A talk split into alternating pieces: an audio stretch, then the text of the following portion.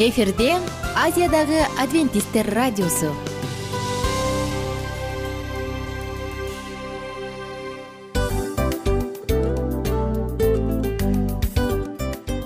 Достор салют. Баардык сүйүктүү угармандарыбызга салам айтабыз. Кутман күнүңүздөр менен.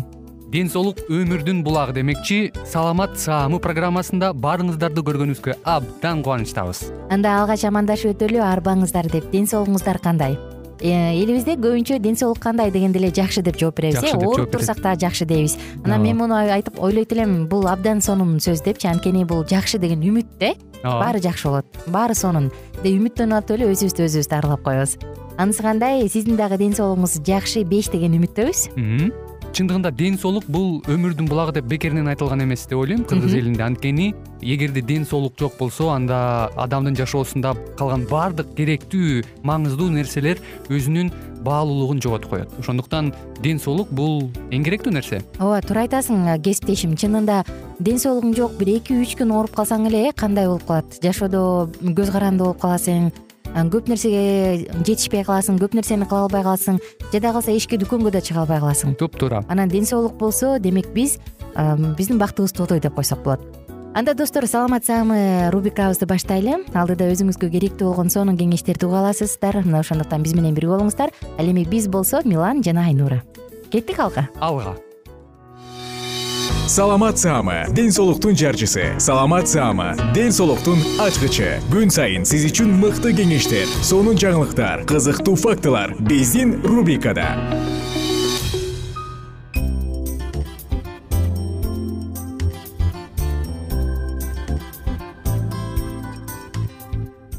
Салам достор. Салам угармандар. Жалпыңыздар менен кайрадан саламат саама рубрикасында үн алышкан мен айнура бүгүнкү темабыз аллергиялык ринит жана өнөкөт гайморит. Достор саламаттуу дене деп аталган цикл андан ары уланууда. Анан албетте биздин эле эң эле негизги максатыбыздын бири бул угармандарыбыздын саламаттыгы ден соолугу. Ошондуктан өзүңүздүн ден соолугуңузга кам көргүңүз келсе анда бизден уктуруудан алыстабаңыз. Сизде мындай болгон эмес беле мезгилдик мүнөздөгү аллергия. Күзүндө кышында же жазында кармайт ал эми өнөкөй гайморит сизге маалым тааныш эмеспи? Балким кимдир бирөө и уккам мен ушу гайморит деп десе кимдир бирөөнүн өзүнүн башында бар.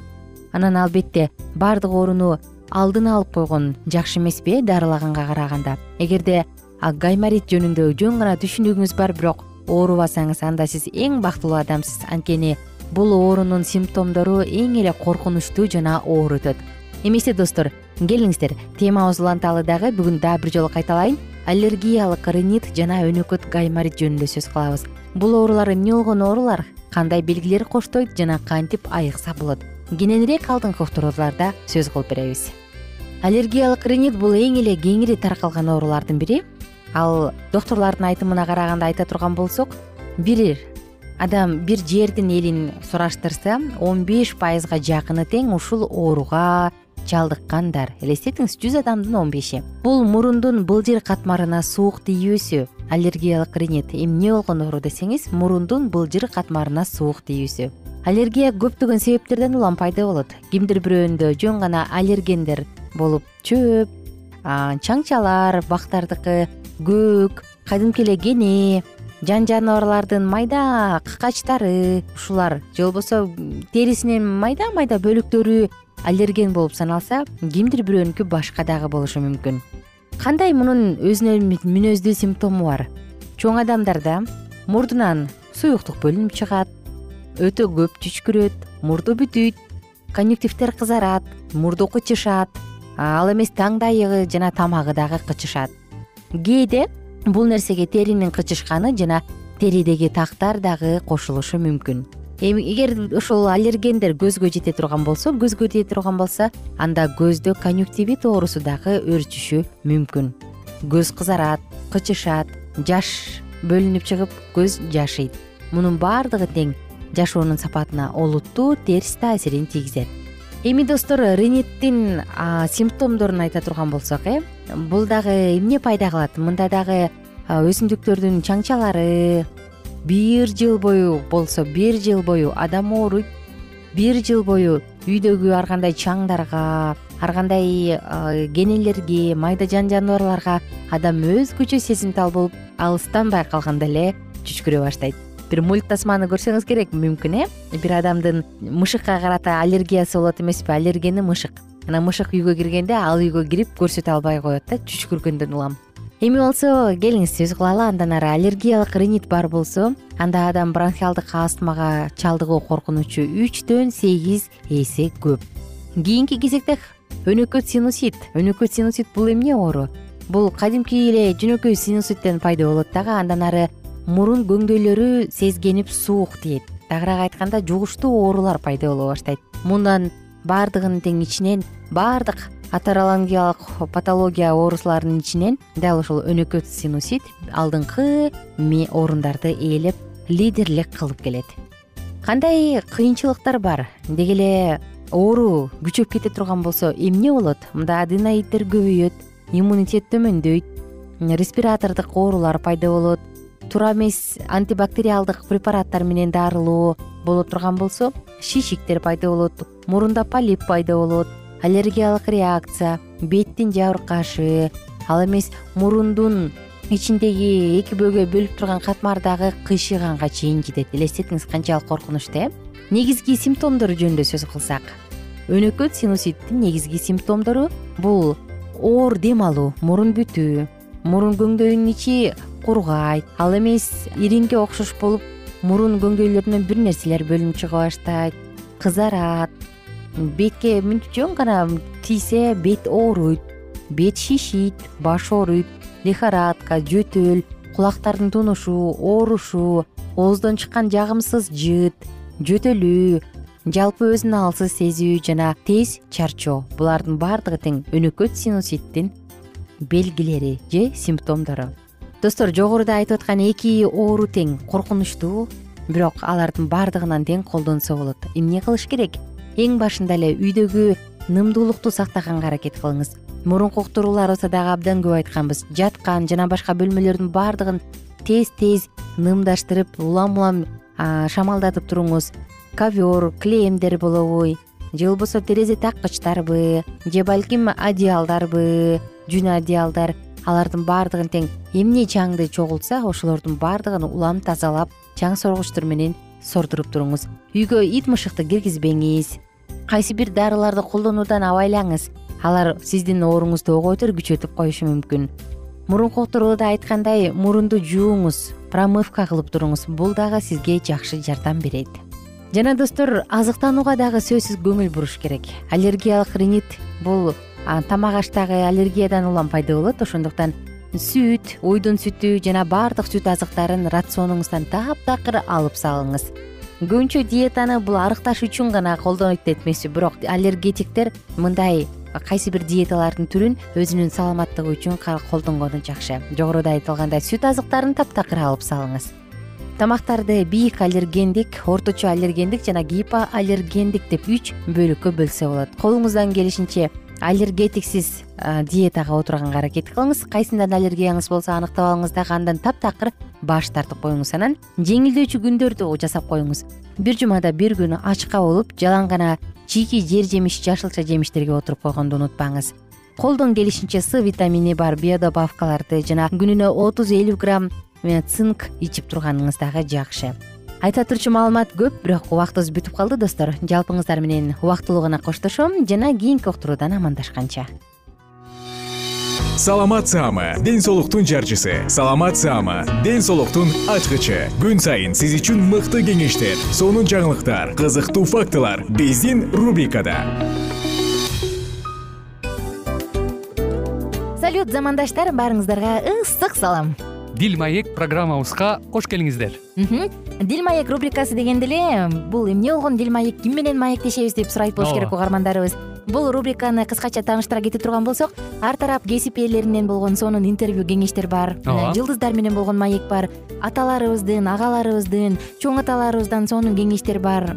Ошондой эле эже сиңдилердин кеңештери бар айтор. Баардык кызыктардын баары алдыда. Негизи эле адам баласы бир кимдир бирөөнө ишенип сырын ачкысы келет эмеспи э мындай баарлашууга жакын келебиз го. Албетте негизи бир жерге отуруп алып кенен шашпай баягы жүрөктөн жүрөккө ачып сырларыбызды ар кандай көйгөйлөрүбүз менен бөлүшүп баягы чын жүрөктөн маек курганды кимибиз сүйбөйбүз э? Ооба десең ал нерсеге суусап да келебиз да. Ооба кээ бирде адамга чындыгында баягы э, ысык маек баягы жылуу маек жетишпейт да. Ошондуктан биз ушул рубриканы ойлоп тапканыбызда эң биринчи эле достор сиздер менен чын жүрөктөн бир маңыздуу темаларды козгоп кеткени кааладык. Ошондуктан ушундай сонун бир рубриканы тартуулап жатабыз. Анын үстүнө радио дагы сонун дос да. Анткени э, мындай учурда досуңа айтсаң досуң досуна айтат досу досуна айтат да анан бүт өлкө билип калышы мүмкүн го.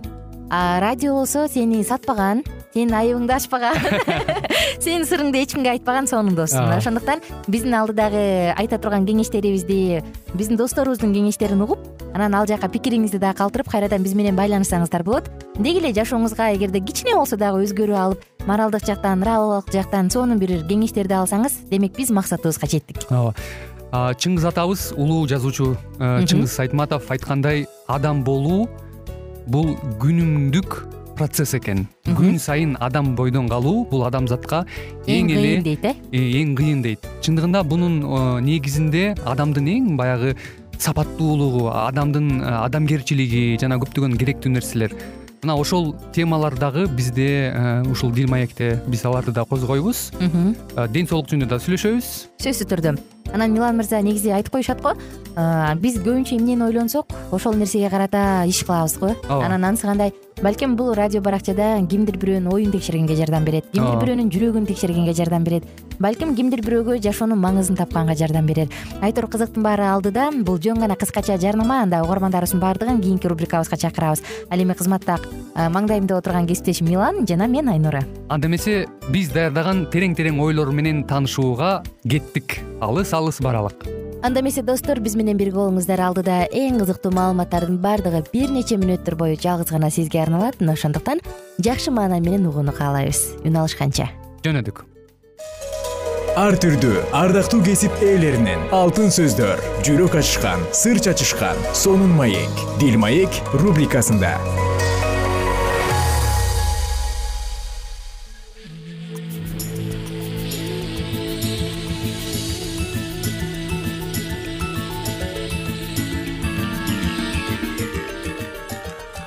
саламатсыздарбы кымбаттуу радио угармандарыбыз. Кайрадан эле сиздердин назарыңыздарда сүйүү жолугушуулар жана нике аттуу программабызды баштайбыз. Бүгүнкү программабыздын чыгарылышында биз сиздер менен э, буга чейинки программабызда дагы бөлүшүп өткөнбүз. Сүйүү сезимдердин ортосундагы бир нече тоскоолдуктар туурасында. Дал ушул туурасында кайрадан эле бүгүнкү программабызда дагы маегибизди улантабыз. Андыктан биздин оодон алыстабай дал ушул мүнөттөрдө биз менен биргеликте болгула ошондой эле жаштардын арасында нике куруу максатында мисалга алсак ушул эки жаш э, э, сүйлөшүп жүргөн убакыттарда балким жигит тарапта кандайдыр бир өзгөрүлбөгөн бир мүнөздөргө ээ боло турган болсо анын сапаттарына көз жумуп мисалы э, келечектеги жубайы эми жолдошум биз баш кошуп калгандан кийин оңолуп кетер деген ой менен дагы баш кошуп алышат экен. Туура үйлөнгөндөн кийин оңолуп кетет деген үмүт менен. Баш кошуу самолеттон парашюту жок секирүү менен барабар. Эки учурда тең. Аягында кандай бүтөөрү белгилүү. Ошого карабастан канчалаган кыздар. Ушундай үмүт менен турмушка чыгып үйлөнгөндөн кийин ал сөзсүз өзгөрүлөт деп ишенишет. Мисалга кыздар дамир анда санда ичип коет. Башка кыздардын артынан ээрчип кетмей да бар бирок биз баш кошкондон кийин баары башкача болот деп кыялданат. Бул каалаган нерсеңди чындык катары кабыл алуу ошондуктан анын үмүтү эч качан акталбайт. Никеге турса эле адамдын мүнөзү өзгөрүп кетпейт. Эгер никеге чейин кандайдыр бир кыйынчылыктар кездешсе кийин ошол кыйынчылыктар андан да курчуп кетиши мүмкүн. Бул тузактан кантип кутулса болот? Ал никеден кийин өзгөрүшү мүмкүн деген куруу үмүткө жетеленбе ал азыр кандай болсо ошондой бойдон калат чындап эле жашоодо баягы кыз жигит болуп сүйлөшүп жүргөн учурда ошол эле жигит тараптын мүнөзүндө кандайдыр бир катачылыктар болсо мисалы жогорудагы ушул окуяда айтылгандай эле э, дамирдин окуясын дагы мисалга келтирип кетсек болот экен да. Мисалы ошол дамир аттуу жигит э, сүйлөшүп жүргөн кызы менен э, баягы никелик жашоого тураарга чейин деле кандайдыр бир спирттик ичимдиктерин байма бай ичүүдө же болбосо чылым чегүүдө ошол эле учурда жеңил ойлуулук менен бир эле учурда өзүнүн сүйүктүүсү менен дагы сүйлөшүп бирок ошол эле учурда бир нече кыздар менен дагы э, жүрө турган болсо демек ал үйлөнгөндөн кийин деле никелик жашоодо деле ал нерсесин уланта берет экен. Себеп дегенде э, баягы көнгөн адат калбайт э, уйга жүгөн салбайт деген дагы кыргыздын жакшы бир макалы бар эмеспи. Дал ушул макал бул жашоого түп келишет десек дагы жаңылбайбыз. Ошондой эле никеге чейин жыныстык байланышта болуу көпчүлүк учурда туура болуп көрүнүшү дагы ыктымал экен мисалга алсак э, жигит мисалы э, кандайдыр бир дүкөнгө кирип өзүнө бут кийим алууда анын размерин ченебей туруп сөзсүз түрдө сен бут кийимди сатып албайсың да. Андыктан бул жаатта сөзсүз түрдө сен ошол ала турчу бут кийимиңди текшерип көрүп ошол ала турчу бут кийим сенин бутуңа ылайыктуубу жарашыктуубу сен ал бут кийимди алып алган соң ал сага жагабы бутуңа жарашыктуубу ошонун баардыгын карап туруп анан сатып алат эмессиңби ушул мисалга байланыштуу эле сөзсүз түрдө сен э, никеге туруунун алдында дагы сүйлөшкөн кызың менен же жигитиң менен анын сырларын анын ички жан дүйнөсүн билбей туруп эч убакта сен ошол адам менен баш кошпойсуң. Эгерде сен бут кийимди текшербей туруп э, сатып алган сыяктуу эле никелик жашоодо дагы өзүңдүн сүйүктүүң менен баш кошууда бири бириңди терең тааныбай туруп үй бүлө кура турган болсоң анда бул олуттуу көйгөйлөргө алып келет. Бул ой эмне үчүн туура эмес экендигин карап көрөлү. Биринчиден никени бут кийим сатып алуу менен салыштырууга болбойт. Аял затты ченеп көрүп анан сатып ала турган буюм эмес. Тескерисинче ал сүйүүгө жана камкордукка муктаж. Ал теңирдин көз карашында баа жеткис. Сен да аларды ошондой эле баалашың керек. Сен секс үчүн эле эмес өмүр бою сени менен боло турган адамыңды издеп жатканыңды унутпа. Анын үстүнө никеге чейин жыныстык байланышта болуу никедеги байланышты чагылдыра албайт. Жигит биз жыныстык жагынан бактылуу боло албагандан кийин үй бүлө куруунун кандай кажети бар деп кызды таштап кеткен. Бул тузактан кантип кутулса болот? Никеге чейин жыныстык байланышта болуп көрүү керек деген ойдон алыс бол. Силер чындап эле бири бириңерди сүйсөңөр бул тууралуу кабатыр болбосоңор деле болот. Ошондой эле дагы бир тузактын бири бул никеге чейин чогуу жашап көрүү чындап эле никеге чейин чогуу жашап көрүүнүн дагы олуттуу кесепеттери бар эмеспи. Э, ушу жыйырма биринчи кылымдын шартында деги эле бүгүнкү учурда көптөгөн биз окуяларга күбө болуп келебиз. Э, балким тааныштарыбыздан деле улам э, досторубуздан деле балким көрүп келсек керек. Негизи эле бул жашоодо баягы азыркы учурда бир жаштар арасында айрыкча бир модага айланып калган сыяктуу бир көрүнүш бар да. Баягы мамлекеттик каттоодон өтпөй туруп эле граждандык бракка туруу деген дагы бир көйгөйлүү маселе күндө өтө бир э, жаштардын арасында популярдуу болуп бараткан э, көрүнүшкө дагы күбө болуп келатабыз да. Э, деги эле буну сен кандай деп ойлойсуң? Балким эркектерге бул жагаттыр. Каалаган убагында келип каалаган убагында кетип эч кандай жоопкерчилиги жогураактай э? Ооба. Айрыкча кээ бир жаштарда дагы мындай ой жаралышы мүмкүн. Эми силер эмнени эле айтып жатасыңар? Мисалы ар бир адам өзүнүн жашоосун өзү билет да биз деген э, демократиялуу мамлекетте жашап жаткан соң өзүбүздүн эркибиз өзүбүздө биз каалагандай жашайбыз жана каалагандай өмүр сүрөбүз деген дагы ой болушу мүмкүн. Бирок бул э, биз кесе айткыбыз келет бул абдан жаңылыштык ой да. Анткени эгерде сен э, мамлекеттик каттоодо өтпөй туруп нике кура турган болсоң анда сенин никеңдин Э, мындайча айтканда фундаменти эч убакта бекем болбойт. Мисалга э, никелик күбөлүгү жок. Э, үй бүлөдө балдар төрөлүп калса андан да чоң проблемалар болушу мүмкүн. Сөзсүз түрдө ошол эле бала төрөлгөндө э, баягы бала эрте эле чоңоет эмеспи. Бала бакчага барат дегендей кандайдыр бир медициналык жактан дагы э, кароолорго барат. Ошол учурда сөзсүз түрдө олуттуу көйгөйлөр жаралат. Анткени баланын жанагы социалдык жактан коргоо дегендей митркасы болбосо демек сөзсүз түрдө үй бүлөдө олуттуу проблемалар жаралышы мүмкүн. Андыктан бул туурасында дагы ардактуу жаштар жана урматтуу досторубуз Э, сөзсүз түрдө ойлонуп иш кылышыбыз керек экен. Эгерде биз э, закондуу түрдө мамлекеттик каттоосуз никеге туруп жашай турган болсоң анда бул э, ненормальный жашоо деп дагы айтсак болот экен да. Ооба бул нерселер чын эле чаржайыт үй бүлөгө алып келет андыктан буга чейинки айтылып келген ар бир э, биздин э, кеңеш кептерибиз сиздердин жашооңуздарда жакшы бир ийгилигин алып келсин деген тилек менен бүгүнкү программабыздын соңуна чыкмакчыбыз. Кайрадан эле биз сиздер менен эмки берүүдөн дал ушул аба толкундан үн алышканча сак саламатта болуңуздар. Ар түрдүү ардактуу кесип ээлеринен алтын сөздөр жүрөк ачышкан сыр чачышкан сонун маек дил маек рубрикасында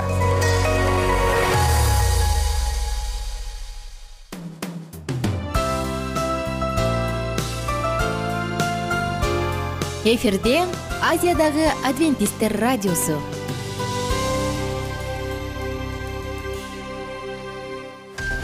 Жан дүйнөңдү байыткан жүрөгүңдү азыктанткан жашооңо маңыз тартуулаган жан азык рубрикасы.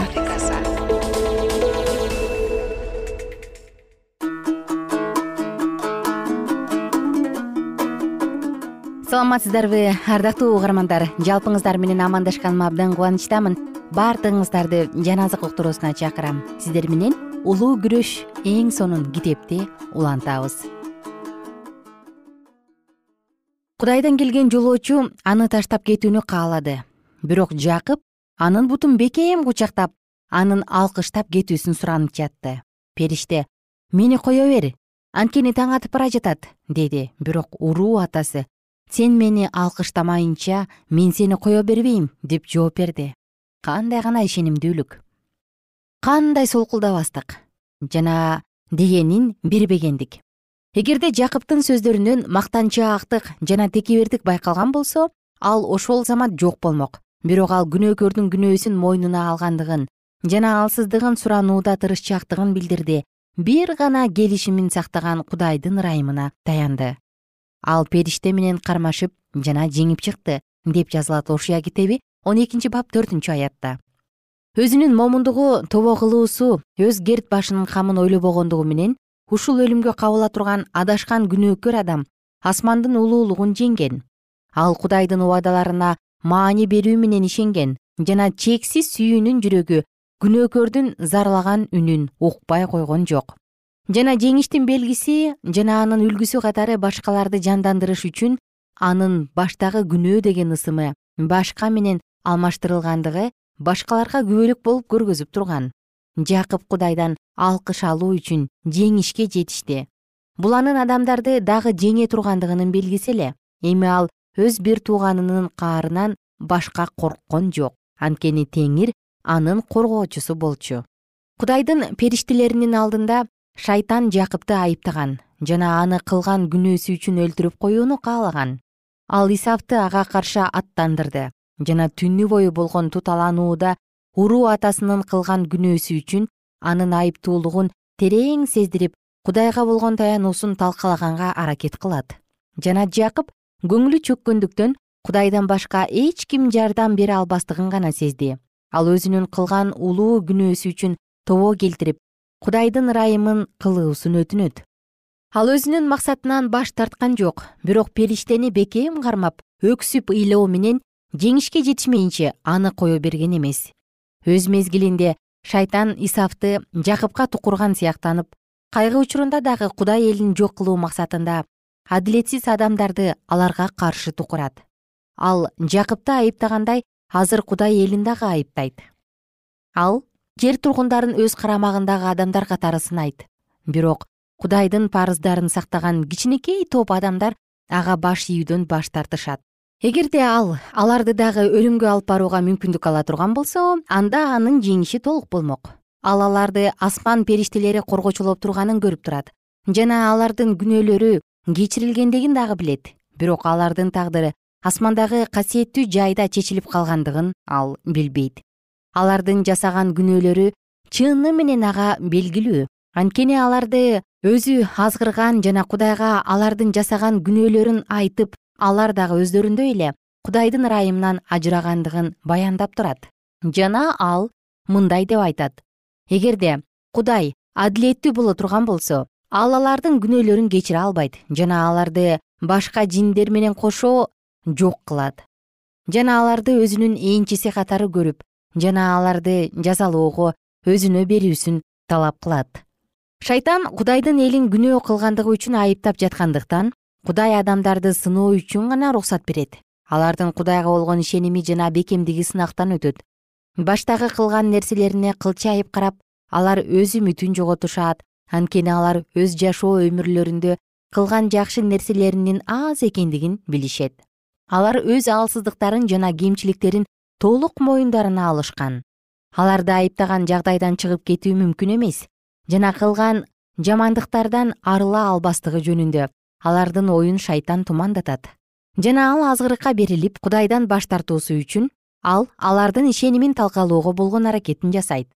Кудайдын уулдары аларды жок кылууга аракет кылган душмандардын курчоосунда калса дагы аларды ойлондурган куугунтук болот деп кейгендиктен эмес. Бирок балким бир кечирилбей калган күнөөм калгандыр деген санаа курчап алгандыктан туталантат. Жана ошондуктан аларда куткаруучунун убадасына болгон үмүт жоголот. Мен сени жерде жашагандардын сыналышы үчүн келе турган сыноо учурунан сактап калам деп жазылган аян китеби үчүнчү бап онунчу аятта. Эгерде алар кечирилгендигине ишенише турган болсо кайгы да өлүм да аларды коркута алмак эмес. Бирок алар туруксуз болсо анда кылган жамандыктары аларды өлүмгө тартып кетет жана кудайдын ыйык ысымы алардын ичинде жамандалып калат баардык жерде алар каршылыкка кабылып кудайга каршы көтөрүүлөрдү көрүп жатышат. Ошондуктан ушул улуу баш тартуулуктун жана адилетсиздиктин акыры болушу жөнүндө тиленишет. Алар кудайдан козголоңчуларды калтырып салуусун суранышат. Бирок жамандыктын күчүн токтотуп жана анын жолун жабууга аларда дарман жок. Жана алар ар дайым кудайдын айткандарын аткарган болсо өз жөндөмдүүлүктөрүн машаяктын кызматы үчүн арнашса күчтөн күчкө өтүшсө анда шайтандын күчү алардын үстүнөн жеңишке жетише албастыгын сезишип моюндарына алышат. Алар өз жүрөктөрүн кудай алдында жоошутуп баштагы күнөөлөрүн кудай кечиргендигин көргөзүшүп куткаруучунун берген убадаларына карашат. Балким менин калкама келип мени менен тынчтык келишим түзүшөр анда мени менен тынчтык келишимине макулдашсын ышая китеби жыйырма жетинчи бап бешинчи аят. Алар өз сыйынууларына ошол замат жооп ала алышпаса дагы бекем ишенүүлөрүн уланта беришет. Абдан кыжаалат болгондуктан туталанышып көңүл калууларына жана коркунучтарына карабай алар сыйынууларын токтотушпайт. Жакып периштени кармап мени алкыштамайынча сени кое бербейм дегендей алар дагы кудайдын күчүн карманышып жалынып өксүп ыйлашат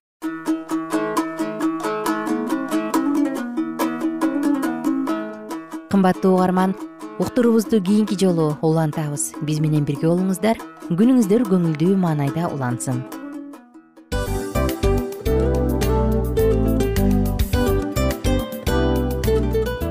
Достор биздин радио баракчаларыбыз соңуна келди. Демек бул программабызды дагы жыйынтыктачу учур келдик. Учурга келдик. Анан кесиптешимден сурагым келип турат. Негизи эле иштин башталып атканы кубандырабы сени же жыйынтыгы кубандырабы албетте жыйынтыгы. Себеп дегенде сен кылган ишиңдин жыйынтыгын көрүп э, баягы мөмөсүн көрүп дегендей жыргайсың жүрөгүң жемишинен тартып э кандай даамдуу деп. Баягы буудай сепкенде эмес буудай эгинди жыйнагандан кийин ысык нанды жегенде кадимкидей ырахаттанасың го. Ой айтпа туура айта кеттиң сонун салыштыруу болду анан мен дагы абдан кубанып турам анткени биз угармандарыбыз үчүн аябай эмгектенип келген уктуруубуздун соңуна келип калдык. Анан эми э, уктуруубуздун соңунда угармандар кандай пайда алып калды экен деп күтүп турам да. Балким э, менин жашоомо өзгөрүү киргизе турган сонун сөздөр болду. Мен ушул нерсени изилдеп анан кабыл албасам ушул нерсени кылбасам деген чечим чыгарсаңыз анда биз абдан кубанычтабыз. Сөзсүз түрдө. Андыктан кийинки биздин кызыктуу уктурууларыбыздан көрүшкөнчө сак саламатта калыңыздар. Чыдамсыздык менен сиздерди мен милан жана кесиптешим айнура күтөбүз баардык угармандарыбызга ийгиликтүү күн каалайбыз. Качан гана болбосун уртуңуздан жылмаюу кетпесин үйүңүздө көмүр жүрөгүңүздө көңүл болсун дейли